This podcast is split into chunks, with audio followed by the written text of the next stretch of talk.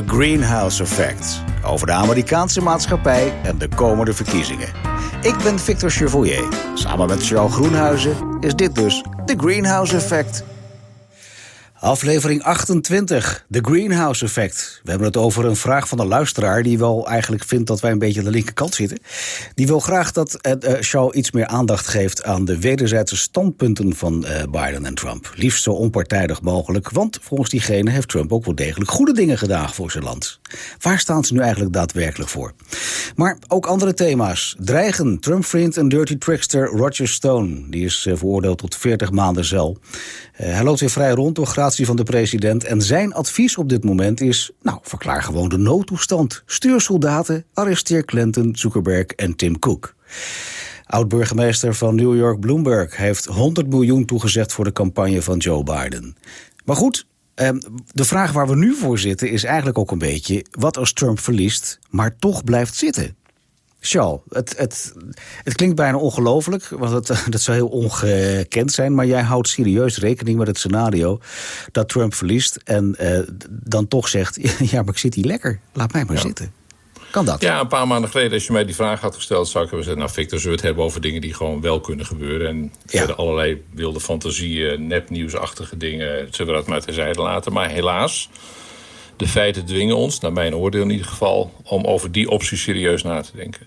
Ja. Uh, en dan kun je nog weer verschillende opties hebben. Dat bijvoorbeeld uh, Joe Biden met een miniem verlies, een minieme winst wint van Trump. Maar dat hij bijvoorbeeld wel ja. het Electoral College verhaalt. Je kunt, en, en dan bij poststemmen zou blijken dat Biden alsnog gewonnen heeft. Je kunt -huh. ook een situatie krijgen dat Biden met zeer forse stemmen winst er vandoor gaat. Echt een forse ja. voorsprong heeft op Trump. dan wordt het wel lastiger voor hem. Maar de scenario's waarbij bijvoorbeeld milities, gewapende rechtse milities, zich gaan bemoeien met het stemgedrag van mensen. En bijvoorbeeld bij stembureaus mensen gaan controleren tussen aanhalingstekens. Dat mag helemaal niet. Dat mogen alleen de mensen in het stembureau, zoals het in elk ja. beschaafd land gaat. Maar met wat er op het spel staat, de adviezen die Donald Trump ook zijn mensen op dit moment geeft, komen dat soort scenario's dichterbij. En dan zit je, wat mij betreft, heel snel in een constitutionele crisis.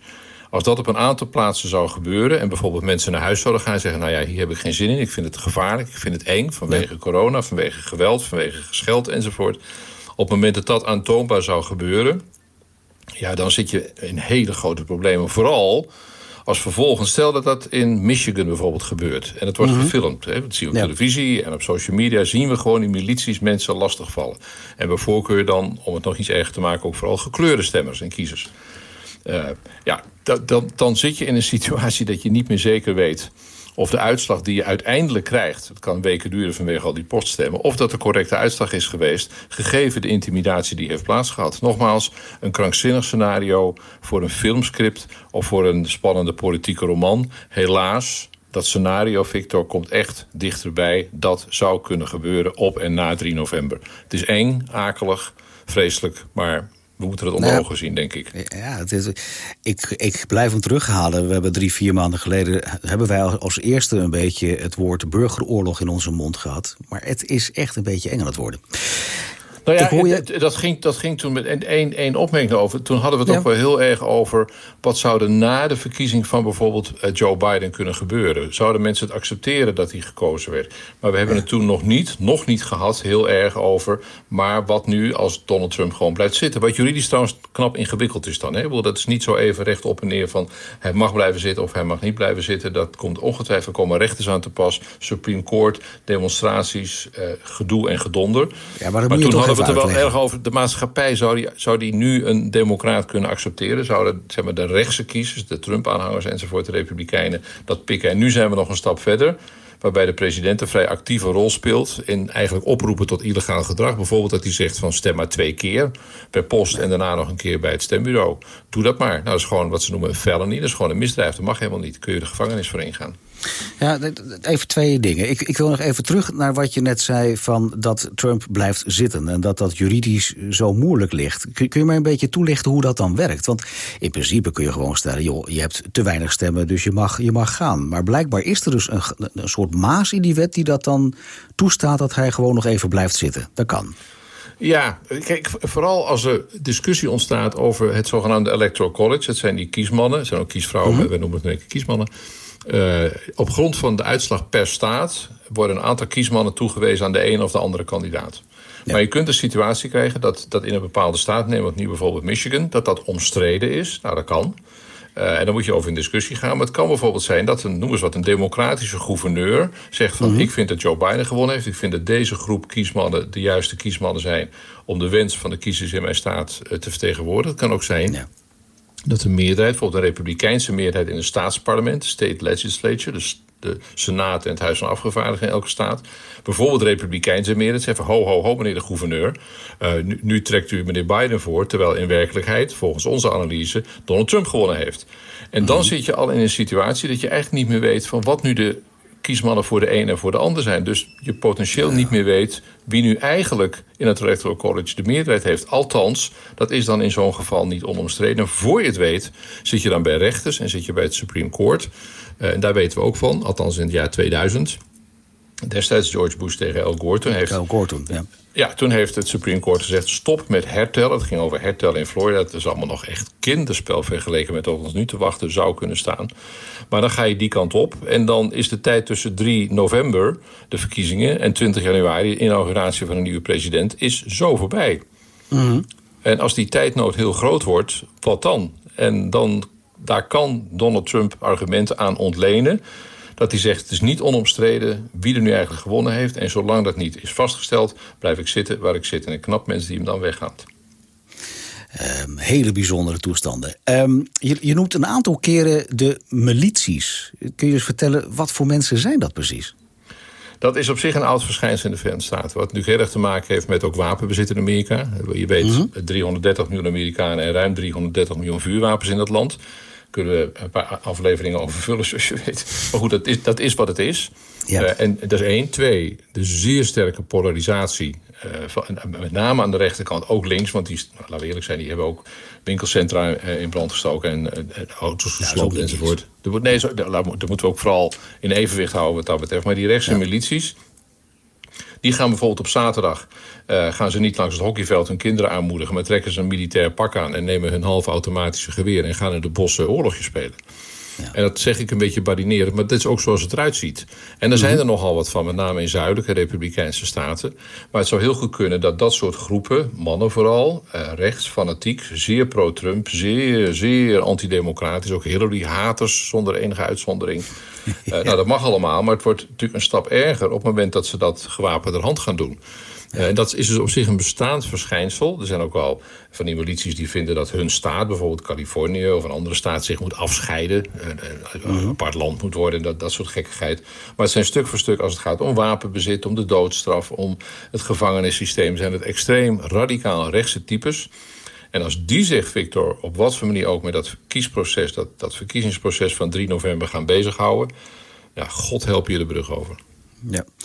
Um, maar die mensen mogen zich dus vrij organiseren, vrij bewapenen tot, tot de meest gekke dingen aan toe. Want je ziet af en toe in de Verenigde Staten wat langskomen. En daarmee ook oefenen. Ze mogen ook echt een soort militaire oefening houden, begrijp ik. Ja, dat bos is niet verboden. En daar heen en weer rennen met zo'n, uh, ik zeg het wat marineren, maar ze doen het wel vrij serieus. Hoewel. Ja. We hebben altijd gedacht van ja, die milities, het, het, ziet er allemaal wel eng uit. Maar uiteindelijk, ja, wat, wat, doen, wat doen ze aan kwaad? Eigenlijk niet veel. Uh, en, maar dat zou, we moeten het allemaal wel conditioneel houden. Dat zou, dus rond 3 november zou dat kunnen gaan veranderen. Maar het is waar, het verschilt natuurlijk per staat. Wapenbezit, onder andere van die halfautomatische wapens. Maar met name in het zuiden, waar dit soort groepen, die overwegend republikeins, Trump-gezind zijn. Mm daar, komt dat, daar komt dat het meeste voor. Uh, ja, en die bestaan. En die zouden nu uh, ineens actief kunnen worden. Ik kan me ook voorstellen, maar dat is even speculeren aan mijn kant... dat die mannen het ook wel lekker vinden. Die hebben zoveel jaar hebben ze lopen oefenen... en eh, tegen elkaar verteld hoe verschrikkelijk het toch toe gaat in de wereld. En nu kunnen ze een bijdrage leveren aan uh, ja, het, het, handhaven van de good old USA... zoals zij dat graag zien. Precies. En ik heb de naam Archie Bunker eerder genoemd. Maar een beetje terug naar de good old ja. USA inderdaad van Archie Bunker. Archie Bunker 50, 60 jaar geleden. Ja, dat is heel lang geleden. Ja. Heb jij indruk dat daar een, een, een soort algemene organisatie achter zit? Of zijn het allemaal milities die onafhankelijk van elkaar opereren? Het is natuurlijk wat duister, want van deel zijn ze niet heel erg georganiseerd en doen ze gewoon wat ze doen.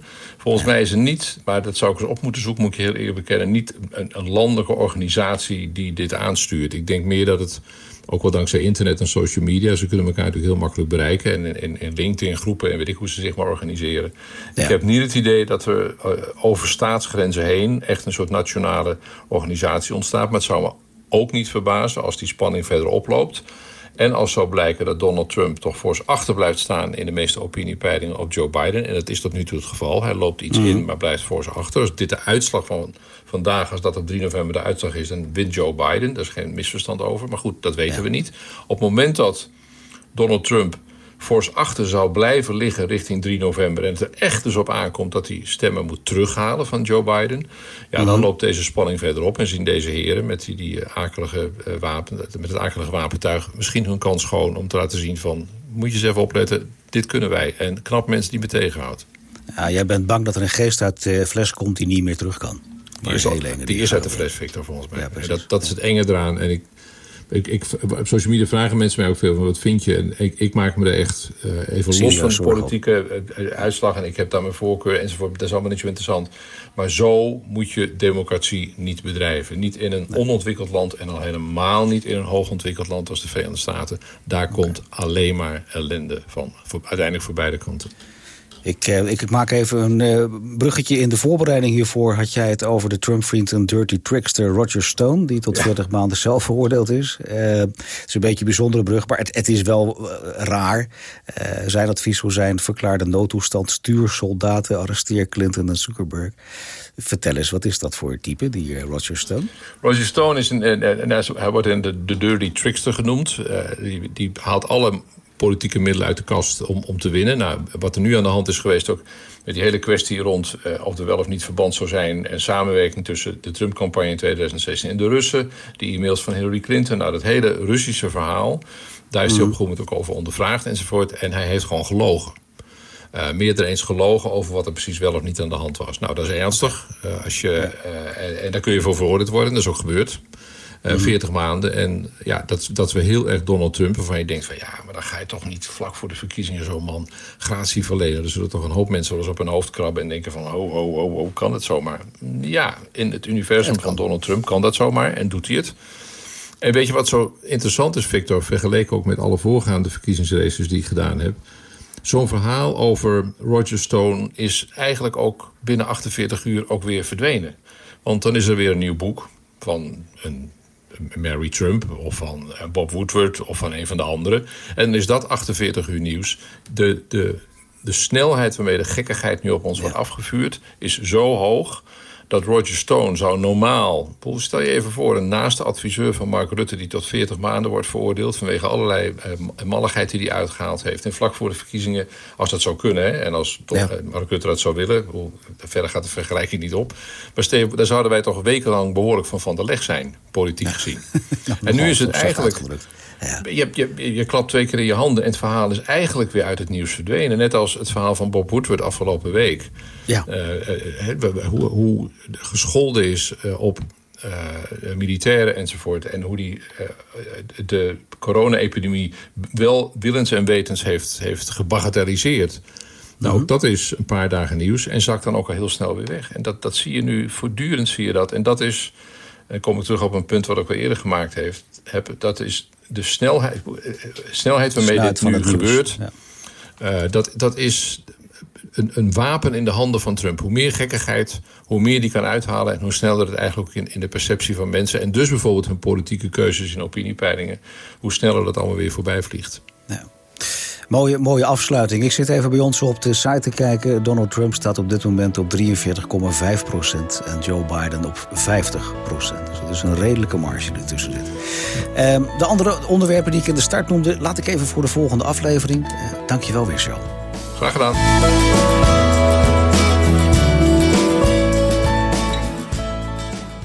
Dank je wel voor het luisteren naar deze podcast. De Praatkast. Gesprekken die ertoe doen.